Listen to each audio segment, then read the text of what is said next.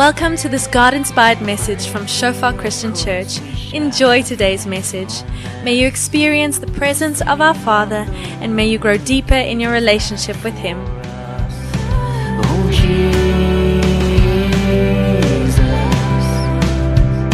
your love over So ons titel vir vanoggend Jona deel 4 Wie se koninkryk. Jona deel 4 Wie se koninkryk. En om vanaand net die eerste paar hoofstukke weer deur te gaan, ons het gekyk na Jona wat geroep is deur God om na Ninive toe te gaan en die stad te gaan aanspreek oor die stad se boosheid wat voor God opgekom het.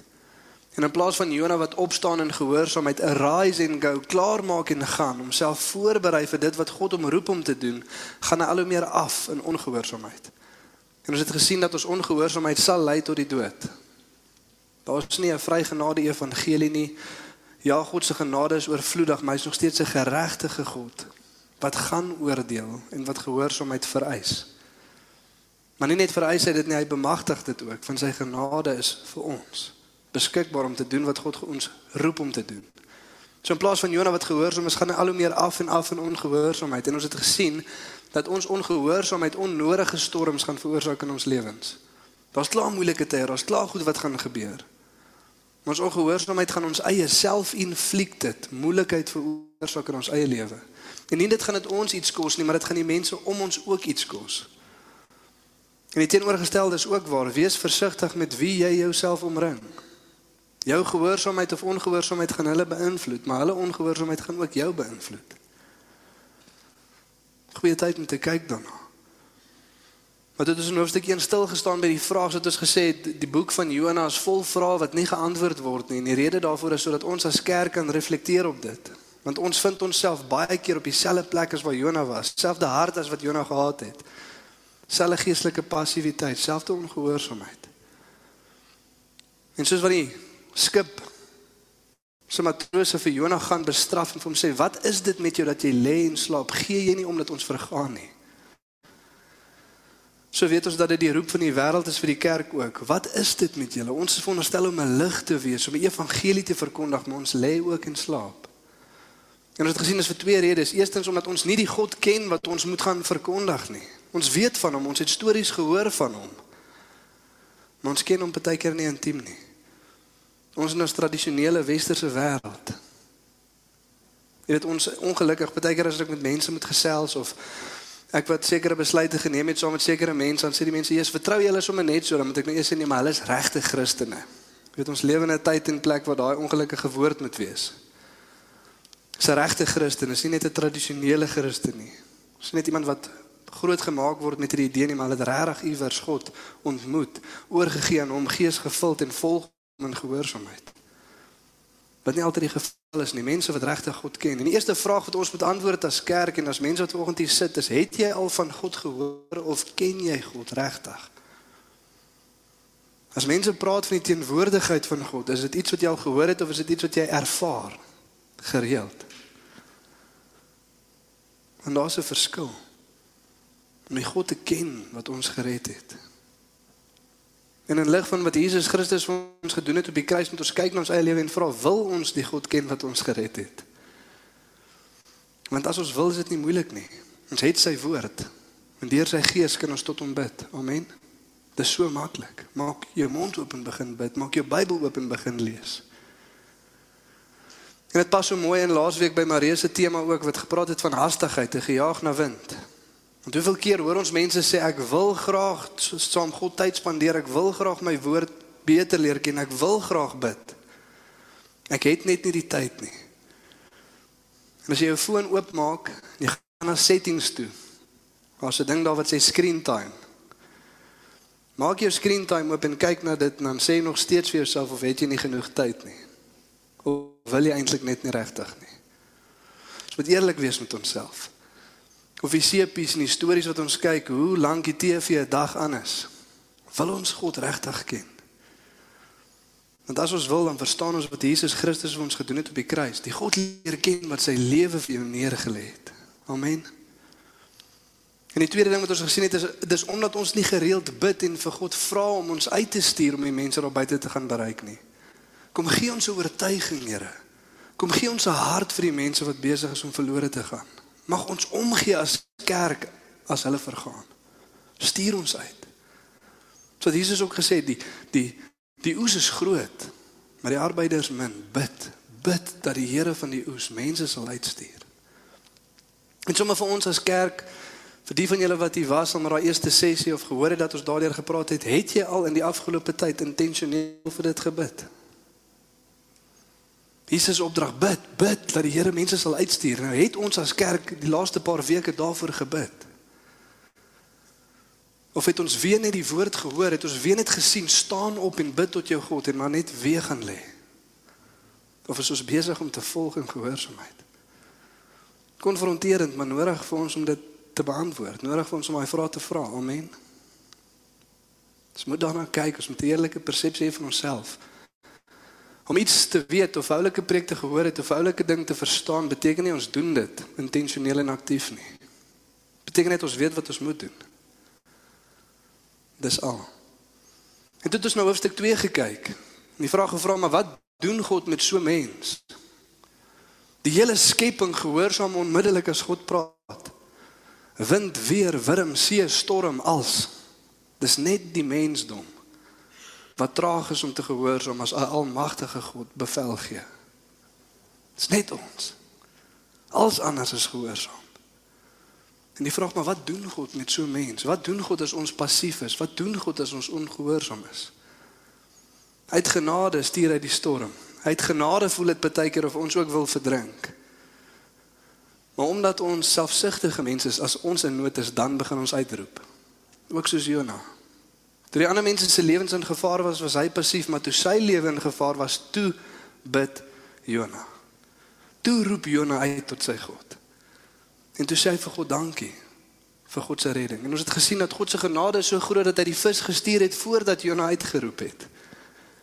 En so ook vir ons het God vir Jesus gestuur voordat ons uitgeroep het. God se genade is altyd eerste. Maar nou stuk 3 het ons ook gesien dat ons het die vermoë om God se genade te vergeefs te ontvang. God kom doen iets in ons lewe, maar dit het nie die effek wat dit veronderstel is om te hê nie. Hoekom? Want terwyl ons baie keer baie mooi goed sê, dit is waar van tradisionele kristendom. Terwyl ons baie keer mooi goed sê en mooi liedjies sing en dankie sê vir God se genade en vir sy voorsiening, is daar een ding wat ons versuim. En dis om eienaarskap te vat van ons sonde en ons ongehoorsaamheid en dit te bely voor God. En Jonas het klomp oulike goed, maar hy bely nooit sy sonde nie. Hy vat nooit eienaarskap van sy sonde nie. So hy kan die genade van God nie ontvang wat hom verander nie. En Jonas bly presies dieselfde mens. Hy doen wel wat God vir hom sê om te doen, maar baie onbereidwillig. En ons sien God wil nie net hê ons moet die regte ding doen nie, maar ook vir die regte rede. Ook vir die regte rede. So wat vir God belangrik is. En die vraag wat ons vir onsself met vra om te kyk in in watse situasie of in watse posisie is ons? Is ons tradisioneel Christen grootgemaak of ken ons regtig God? Wanneer laas het jy ernstige belydenis gemaak voor die Here?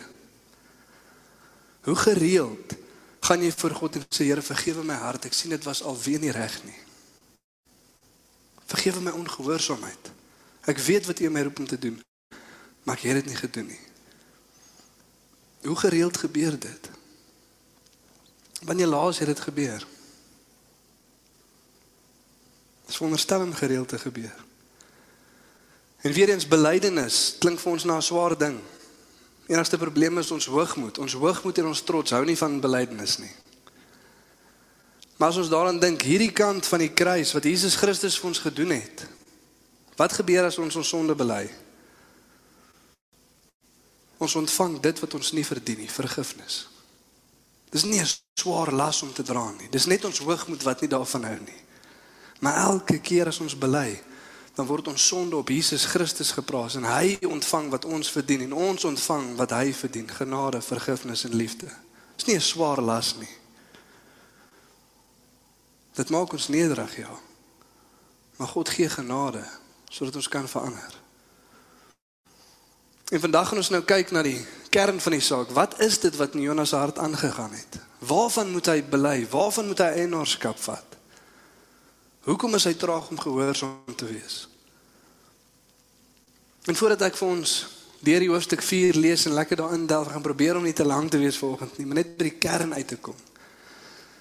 Wil ek gou hê daar waar jy sit, draai na die persoon langs jou toe en antwoord die volgende vraag: Hoekom dink jy is mense baie keer ongehoorsaam aan God? Wat is die rede daarvoor? Ek weet nie of jy ooit daaraan gedink het nie, maar as ons nogal daai vraag kan beantwoord, dan sal dit ons help. As dit kom by tye van uh, versoeking of wanneer ons ongehoorsaam wil wees of wanneer ons geestelik passief is, hoekom dink jy gebeur dit? Wat is die kernrede? Jy kan dalk 'n paar lys.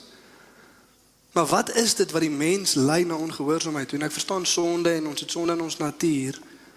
Maar wat is die kern daarvan? Net gedaar wie is, draai gou na die persoon langs jou toe. Interessante vraag.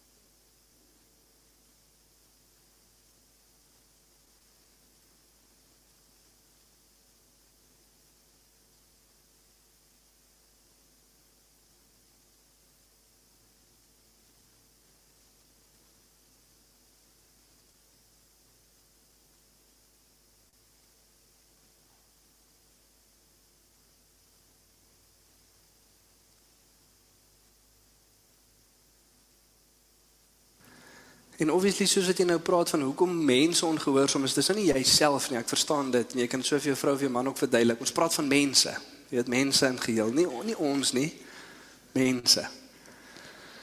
Vir die ingenieurs, jy kan dalk jy weet bietjie jou kinders in sekere situasies sit en 'n 'n toetstraai doen en met hulle gaan praat na die tyd en kyk wat was dit wat hulle maak optree het op 'n sekere manier. As jy bietjie by 'n spesifieke ding wil uitkom of 'n antwoord wil uitkom. Maar ek weet nie of het ons al ooit daaraan gedink nie. 'n Goeie vraag om te vra. Wanneer versoeking kom en ek ingee tot versoeking of wanneer ek ongehoorsaam is of wanneer ek passief is of wanneer ek weet ek doen nie wat God van my verwag nie. Hoekom? Wat is dit? Wat laat dit gebeur? En ons gaan nou vandag hierso in Jonas se stuk 'n baie spesifieke ding sien. Wat een van daai kerngoed aanspreek. Wat ek glo een van die grootste redes is hoekom mense in geheel passief is of ongehoorsaam is of wanneer versoeking sin maak. As ons hierdie spesifieke ding nie raak sien of kan skuif nie. En veral in ons westerse wêreld dink ek is nogal iets waarvan ons moet bewus wees. So die storie het geëindig met Jonah wat vir Ninive die woord van God gaan verkondig het. Ninive het bekeer, hulle het eienaarskap gevat van hulle sonde, hulle het weggedraai van die boosheid wat aan elkeen se hand was en God het afgesien van die straf wat hy oor die stad sou bring. En ons tel die to- storie op hier in Jonah 4 van vers 1 tot 11. Hieroor was Jonah baie ontevrede. Nou dat God nie die mense straf nie, net sodat julle weet. Hieroor was Jonah baie ontevrede en hy het baie kwaad geword. En hy het tot die Here gebid en gesê: "Ag Here, ek het dit geweet toe ek nog in my land was. Daarom het ek reg in die begin na Tarsus toe gevlug. Ek het geweet U is 'n genadige en barmhartige God, lankmoedig en vol liefde. U sien maklik af van die straf wat U aangekondig het. Laat ek nou maar sterf, Here, want dit is vir my beter om te sterf as om te lewe." Toe vra die Here vir hom: "Het jy rede om kwaad te word?" Vraag wat gevra word, nie gebeantwoord nie. Later antwoord Jonah die vraag, maar hy verduidelik dit nie. Jonah is toe uit die stad uit. Hy het oos van die stad gaan sit en vir hom 'n skerm gebou. Hy het daaronder in die skaduwee gaan sit om te sien wat in die stad gebeur. Toe laat die Here God 'n komkommerplant opkom. Nou dis net die Afrikaans wat vir een of ander rede probeer sê wat 'n plant dit is of om dit te probeer uitfigure. Die ander vertaling sê net 'n plant. Hierdie woord in Hebreëus kom letterlik net hier voor in die hele Ou Testament. So ons weet nie wat se plant dit was nie, maar dit was 'n lekker plant. 'n Komkommerplant het opgekom en dit het bo oor Jonah gerank om skaduwee te gee vir sy kop en om hom van sy misnoei, dis nou ongemak, te bevry. Jonah was baie bly oor die komkommerplant. Die volgende môre met dagbreek laat God toe 'n wurm kom en dit het aan die komkommerplant gevreet sodat dit verdroog het. Toe die son opkom, het God 'n skroeiende sterk wind uit die ooste laat waai. Die son het vir Jona op sy kop gesteek en hy het baie swak geword en gewens om maar liewer te sterf. Hy het gesê dis vir my beter om te sterf as om te lewe. Toe vra God vir Jona: "Het jy rede om kwaad te word oor die komkommerplant?" En Jona antwoord: "Ek het rede genoeg. Ek is besig om te sterf of rede genoeg om te sterf." Die Here het vir Jona gesê: "Jy is besorg oor die komkommerplant waarvoor jy nie gewerk het nie en wat jy nie versorg het nie. Dit het oornag opgekom en oornag is dit dood." Maar ek mag nie besorg wees oor die groot stad Ninive nie. 'n Stad waarin daar meer as 120 000 mense is wat nie weet wat reg of verkeerd is nie en ook nog baie diere. Van vers 11 as dit sê maar ek mag nie besorg wees nie, kan ons ook sê maar mag ek nie. Dis God wat 'n vraag vra. Should I not be concerned? 'n Vraag aan jou. Hy sê nie ek mag nie, hy sê moet ek nie. Is ek nie veronderstel om? Should I not pity? Should I not have compassion? Is ek nie veronderstel om om te gee oor hierdie mense nie? En ons sien hier so Joda wat ontstel raak oor die genade van God teenoor ander mense. En weer eens een van die mooiste goed in hierdie stuk skrif is weer eens God se genade teenoor Jona ook. Ek meen hier verwag ons nou regtig dat God net deel met 'n weerligstraal met slat en dit oor en verby kry, nê? Nee? Ek meen regtig, hoeveel lesse moet hy leer? Hoeveel genade moet God met hom hê? En die vraag is dieselfde soos met ons. Ons is ook so traag om te leer. Ons is ook so traag van begrip. Ons sien dit ook nie reg nie. God moet ons ook weer en weer kom wys wat in ons eie harte aangaan. En dit als begin hier so met Jonas se reaksie teenoor God se genade. Ons lees in vers 1 en 2. Hier hieroor was Jona baie ontevrede. Hy het baie kwaad geword. En hy het tot die Here gebid en gesê: "Ag Here, ek het dit geweet toe ek nog in my land was. Daarom het ek reg in die begin na Tarsus toe gevlug. Ek het geweet U is 'n genadige en barmhartige God, lankmoedig en vol liefde. U sien maklik af van die straf wat U aangekondig het." En ons sien die Jonas nie ontevrede met God se karakter nie. Hy is ontevrede dat hierdie selfde karakter teenoor ander mense geopenbaar word. Sien reg deur die boek is daar 'n kontras tussen hoe Jona optree as God se genade teenoor hom geopenbaar word en hoe God se genade teenoor ander geopenbaar word. En ook in kleiner maniere. Ek meen om die hele stad nie te verwoes nie en 'n bietjie skade weer, dit, dit dra nie heeltemal dieselfde gewig nie, nê? Nee? Lewe of gemak. En dan sien ons heeltyd baie tevrede. As as God se genade teenoor Jona geopenbaar word op die kleinste manier is Jona baie tevrede. Maar as dit teenoor ander mense geopenbaar word dan is Jona baie ontevrede. Hy word baie kwaad. As dit die kontras wat gemaak word, ons moet vir onsself vra wat gaan aan in Jona se hart. Nou net om 'n bietjie ook die prentjie in te kleer. Dis nie asof hierdie nasie van Ninive en Assirië se nasie ver van Israel verwyder was en hulle hulle op geen manier gebeïnvloed het nie. Jona word nie net kwaad as vreemde mense wat niks met hom te doen het God se genade sien en ervaar nie. Maar die Assiriese nasie speel 'n rol in die geskiedenis van Israel. Assirië 'n groot ryk op daai tyd wat besig was om baie grondgebied oor te vat en teen Israel op te kom, van daai gebiede van grond te vat en te oorheers. En omdat daar so 'n divisie in die Assiriese ryk was, kon Israel weer baie van daai grondgebied terugvat onder koning Jerobeam die 2de. En op hierdie tyd is Assirië nie so sterk soos wat hulle veronderstel is om te wees. Israel het die grondgebied teruggevat wat aan hulle gebehoort het, maar Israel is ook besig om in sonde te lewe. God het al op hierdie punt in tyd 'n paar profete na Israel toe gestuur om terug te draai van hulle boosheid af. Bekeer julleself. Of julle gaan ook gestraf word. En as dan ook die Assiriese nasie wat dan éventueel gaan en Israel wegvat in ballingskap en noordelike koninkryk wegdra. En dan mense van Assirië in Samaria sit. En as die Israeliete terugkom dan trou hulle met die mense van Assirië en dan het hulle hierdie half gemengde geloof en dis ook hoekom kom die mense in Jesus se tyd nie baie van die Samaritane gehou het nie. Want as hierdie mense, hierdie bose mense, hierdie Assiriese ryk wat daar gaan bly het en getrou het met hierdie mense. So dis 'n bedreiging vir wat? Vir Jonas se aardse koninkryk. Hulle is 'n bedreiging vir ons gemak. Hierdie is die een mense wat goed vir ons kan moeilik maak in die lewe wat ons nou lewe. As God hulle kan verwoes, dit sal nogal nice wees. Dan gaan ons regtig gemaklik lewe. Dan het ons regtig niks om oor te kom kommer nie, net die plant. Stupid grappie, ek sal nie ek sal nie weer nie, ek moes net. Maar dan is ons rustig. Dan is ons gemaklik. Ons vyande is verslaan, ons kan rustig lewe. En niks gaan met ons gebeur nie. Dis of net om dit in in konteks in konteks te sit. Maar hier is die vraag wat ons moet antwoord. Vers 3 en 4. Dan sê Jona, laat ek nou maar sterf, Here, want dit is vir my beter om te sterf as om te lewe. Vers 4. Toe vra die Here vir hom: "Het jy rede om kwaad te word? Het jy rede om kwaad te word?" En ons sien al hoekom Jona ontevrede is en sy antwoord is beter vir my om te sterf as om te lewe. Maar ons sal nou-nou daarna kyk. In Jona se hart is al primêr 3 probleme.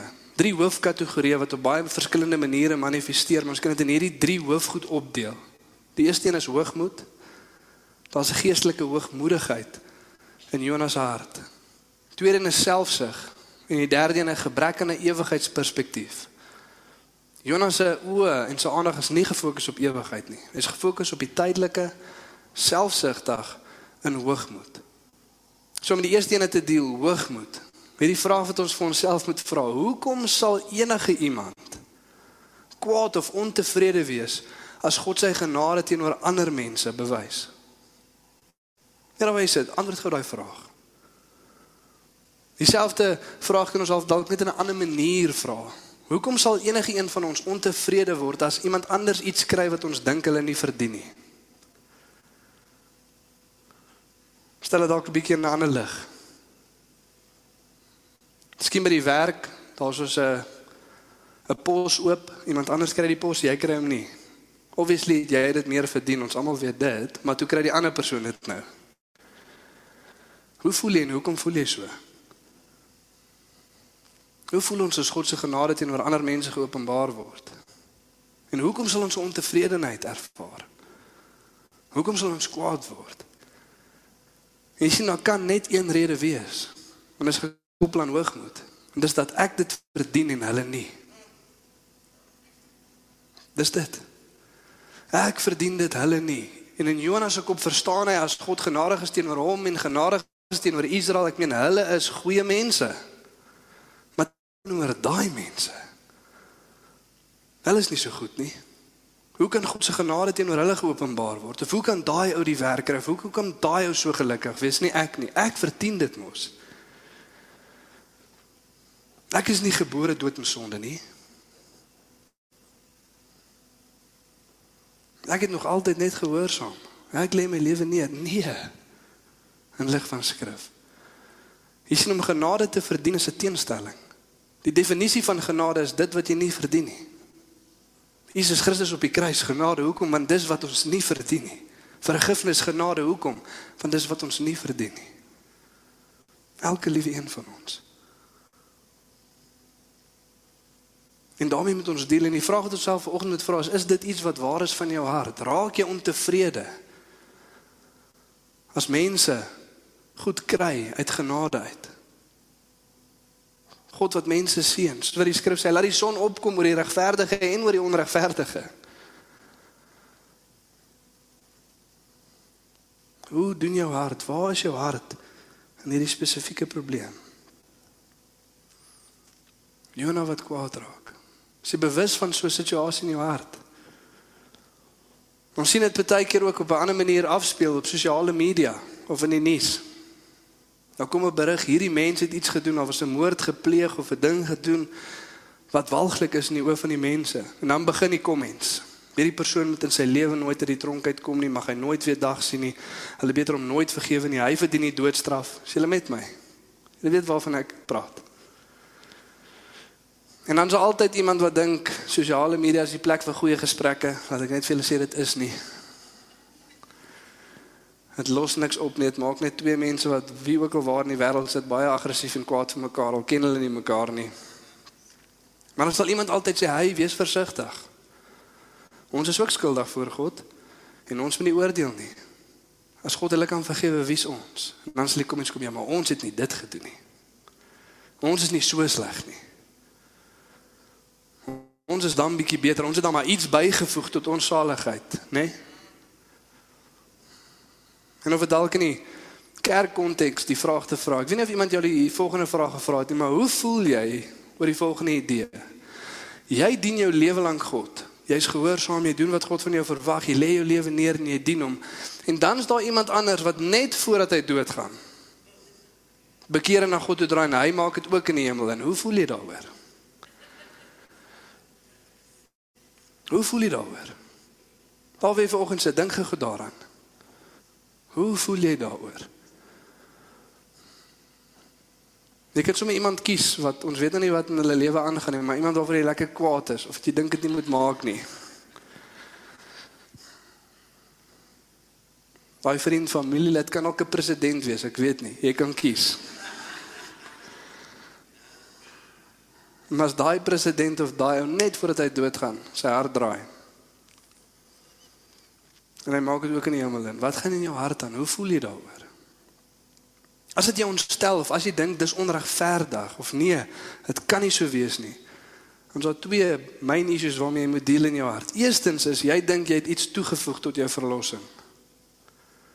In jou kop dink jy jou goeie werk het ietsie bygedra. Jesus moes nie heeltemal sterf vir jou nie. Hy moes net aarde toe kom vir jou, maar vir die ander moes hy sterf. Jy het self jou deel self gedoen en jy het ietsie bygevoeg. Ek het my deel gedoen. Daai persoon het nie. Dis 'n werksgebaseerde evangelie en dis nie die evangelie nie. En met daai mentaliteit sal jy die koninkryk van God nie sien nie. Die tweede probleem is en dis dalk 'n bietjie 'n ernstiger een. Is dat jou persepsie van God dien is 'n swaar las. Ek moes my lewe lank hierdie swaar las van gehoorsaamheid dra en ek kon nie myself en my sonde geniet soos daai persoon nie. En nou draai hy op die einde en hy kan ingaan terwyl hy sy hele lewe geniet het en ek moes suffer om aan 'n heilige God gehoorsaam te wees. Sy met my volgend.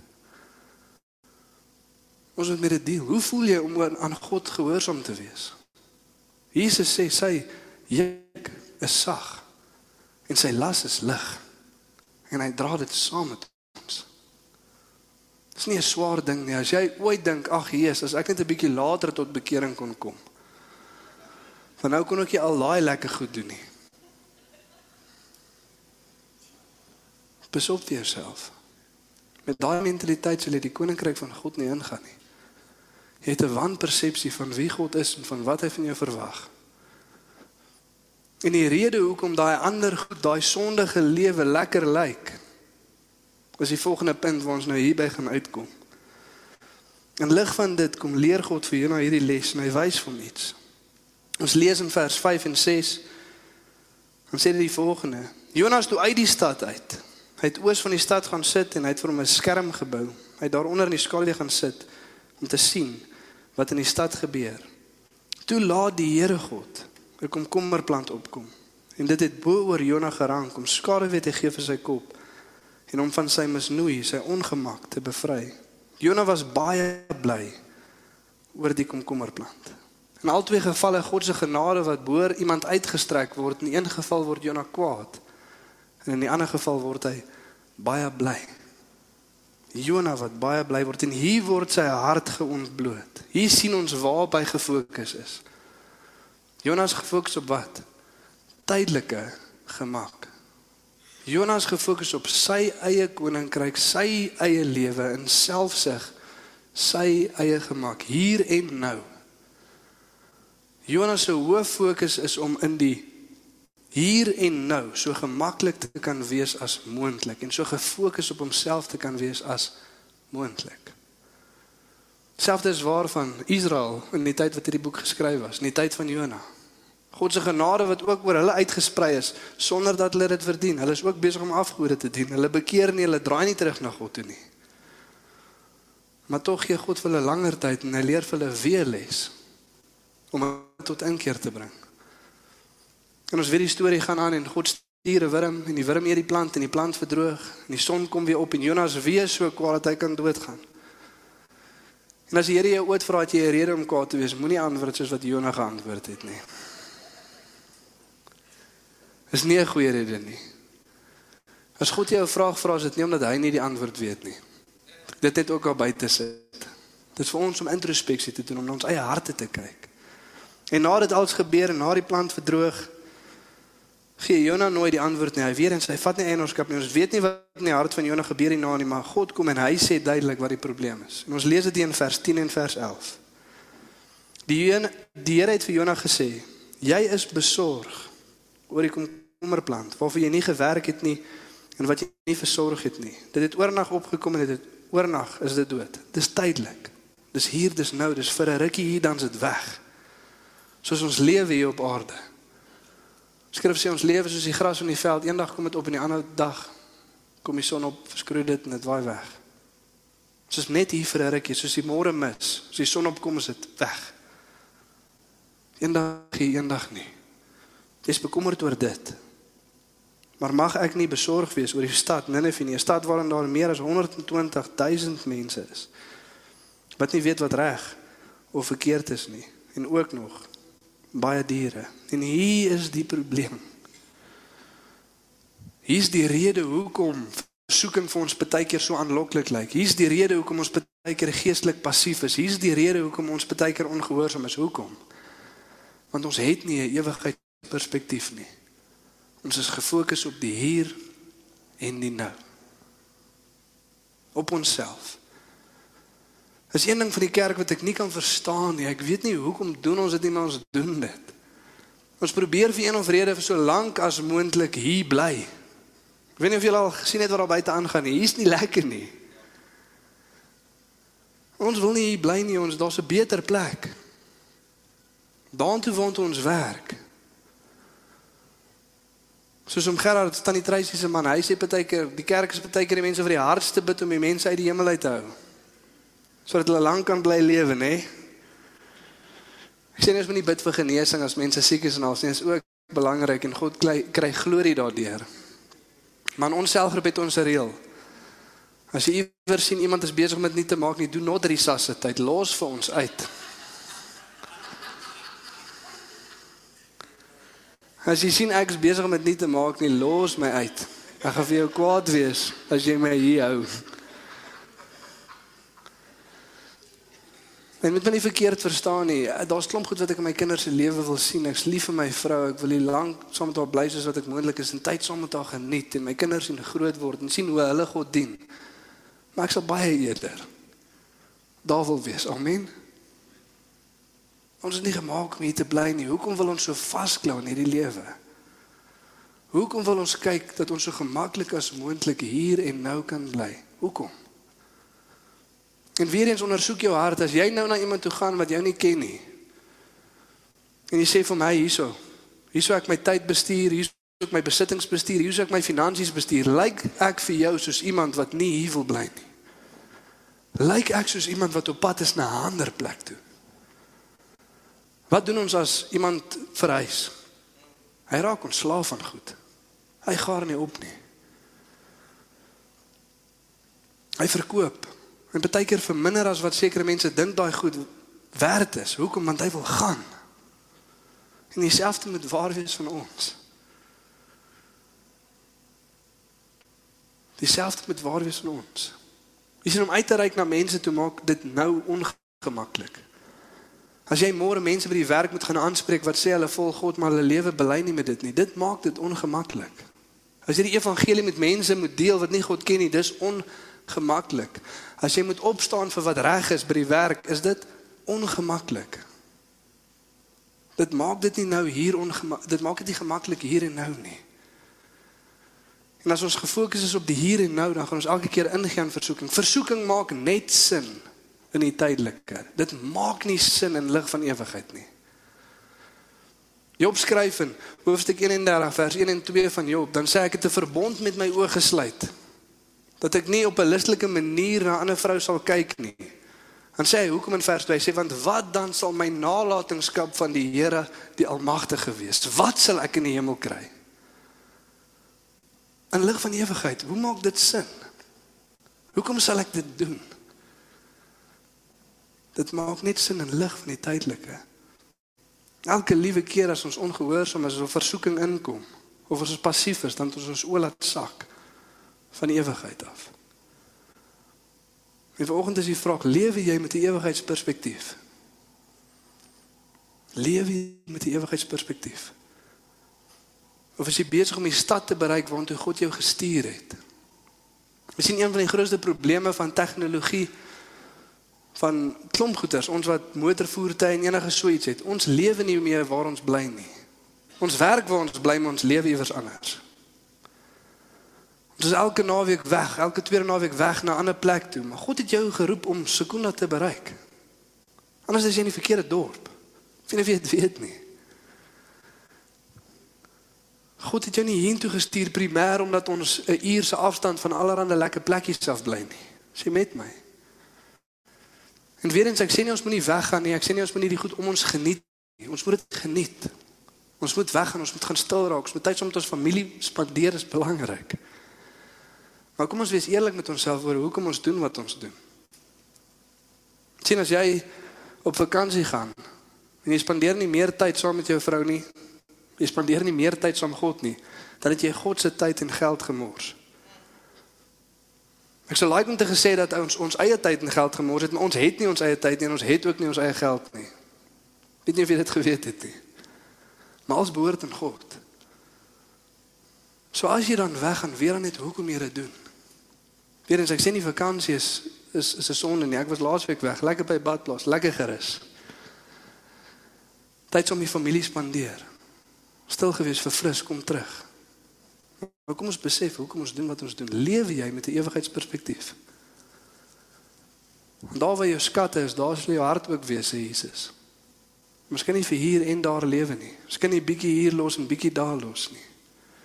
Hoekom doen jy wat jy doen? En waar ook al jou hart is volgende as jy agterkom dat is nie gefokus op ewigheid nie en ek's nie besig om te lewe vir ewigheid nie. Wat is die antwoord? Maak jy saak hoekom jy nie op ewigheid gefokus nie. Die antwoord bly gelukkig dieselfde. Ons lees dit in Hebreërs 12 vers 1 tot 2. Terwyl ons dan so groot skare geloofsgetuies rondom ons het, laat ons elke las van ons afgooi, ook die sonde wat ons so maklik verstrik. En laat ons die wedloop wat vir ons voorlê met volharding hardloop, die oë gefestig op Jesus, die begin en volëinder van ons geloof. Terwille van die vreugde wat vir hom in die vooruitsig was, het hy die kruis verduur sonder om vir die skande daarvan terug te dink. Hy sit nou aan die regterkant van die troon van God. Lig jou oë na Jesus toe. Die een som wie jy vir ewigheid gaan wees. Leer van Jesus af. Die een wat ook gedoen het wat hy gedoen het met 'n ewigheidsperspektief. Vir die vooruitsig, vir dit wat voor hom gelê het, het hy die kruis verduur. Sodat hy saam met ons vir ewig en ewigheid kan wees. Laat ons dieselfde mentaliteit hê. En ons oorlig na Jesus toe want ons gaan saam met hom vir ewig en ewigheid wees. Amen. Kom ons staan volgende dan. Bid ons saam.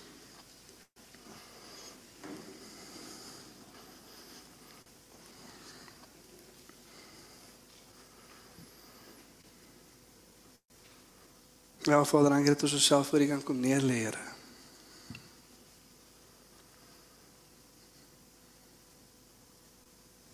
Soos wat Moses skryf, Here, kom leer ons, Here, om ons dae te nommer sodat ons wysheid kan ontvang. Wat die skrif sê, Here, maak goeie gebruik van die tyd van die dae is boos. En ons sukkel, Here, want dis al wat ons ken is hierdie lewe, Here. Daar was letterlik nog niks langer as ons wat hier is nie. En ons verstaan kognitief hier in ons brein en ons kop dat ewigheid is lank. Ons moet vir daai opgaan, maar ons sukkel, Here. Ons sukkel om te skuif. Kom help ons volgende, Here. En Here mag ons net vanoggend besef, Here, hoe na, hoe nodig ons U genade het, Here. Hoe verwronge U beeld, hoe sukkel ons, Here, om 'n ewigheidsperspektief te kry. Dat dit baie keer vir ons meer sin maak om 'n vulgêre storie op die TV te kyk as om tyd met die God van hierdie heelal te spandeer. Here, kom help. Mag ons besef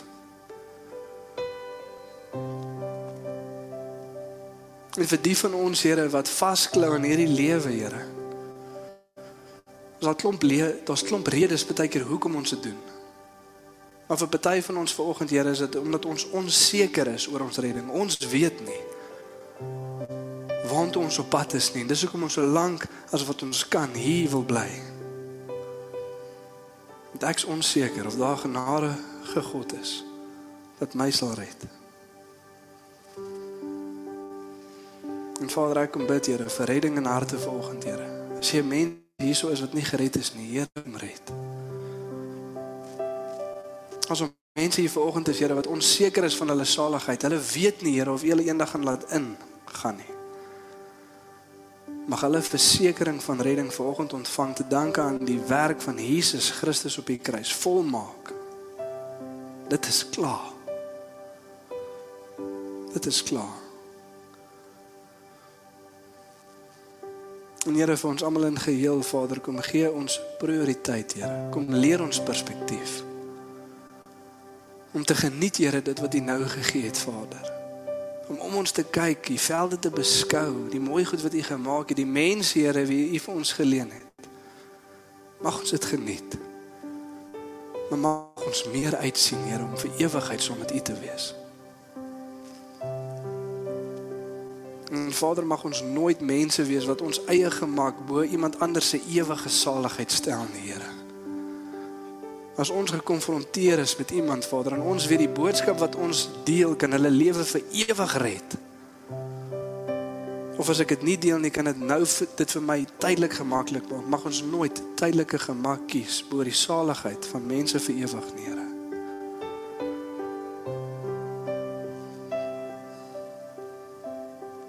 Kom gee ons 'n hart, Vader, vir die mense daar buite wat verlore gaan.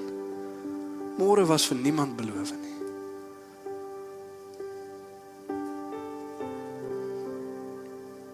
As jy vanoggend hier staan en het 'n las op jou hart, of dit is van ongehoorsaamheid of dit is van jou as, as jy nog nooit God geken het nie of jy nie God ken nie of jy nog nooit oorgegee het aan hom nie of jy nie ewigheidsperspektief het nie of jy lewe vir die gemak van hierdie lewe wat ook al dit is, daar waar jy staan, lig net op jou stem na die Here toe. Sê hier is ek, Here, ek kom lê dit voor U neer. Kom help Here, kom lei, kom gee perspektief.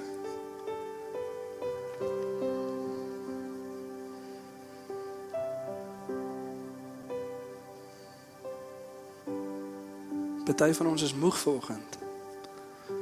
Jy's moeg, jy kan jy kan nie stil sit nie, jy kan aan niks dink nie. Daar's duisende vrae en idees wat in jou kop rondhardloop. En die rede daarvoor is jy's besig om jou eie koninkryk te bou. En die uitvloei daarvan is jy moet die planne uitdink. Jy is die bron wat daai ding moet laat geskied. Jou slim planne en jou idees is die enigste versekering wat jy het dat die ding gaan werk of nie.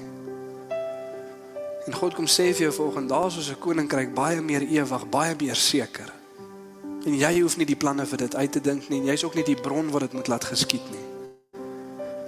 Jy kan by Jesus se voete kom sit en hom vertrou vir leiding. Hy sal sy koninkryk bou. As dit jy is volgende, lê dit voor God neer. Hoe uitputtend om ons eie koninkryke te probeer bou. Waar ons self met die idees moet voor in dag kom, ons self die energie moet dryf. Ons self die versekering is van dit wat gebeur. Daar's 'n beter koninkryk, baie meer seker. So wat die skrif sê Abraham wat verlang het na 'n stad wat se fondasie deur God gelê is. Ons verlang na daai stad.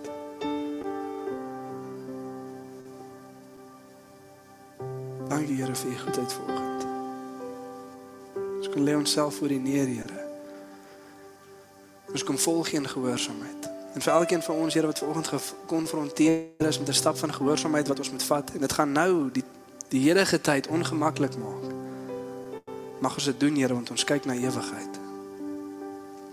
Dankie Jesus vir u voorbeeld in elke liewe aspek van lewe. Dankie Heilige Gees dat u hier is, bemoedig en genade gee sodat ons kan doen wat u ons roep om te doen. In Jesus naam. Amen.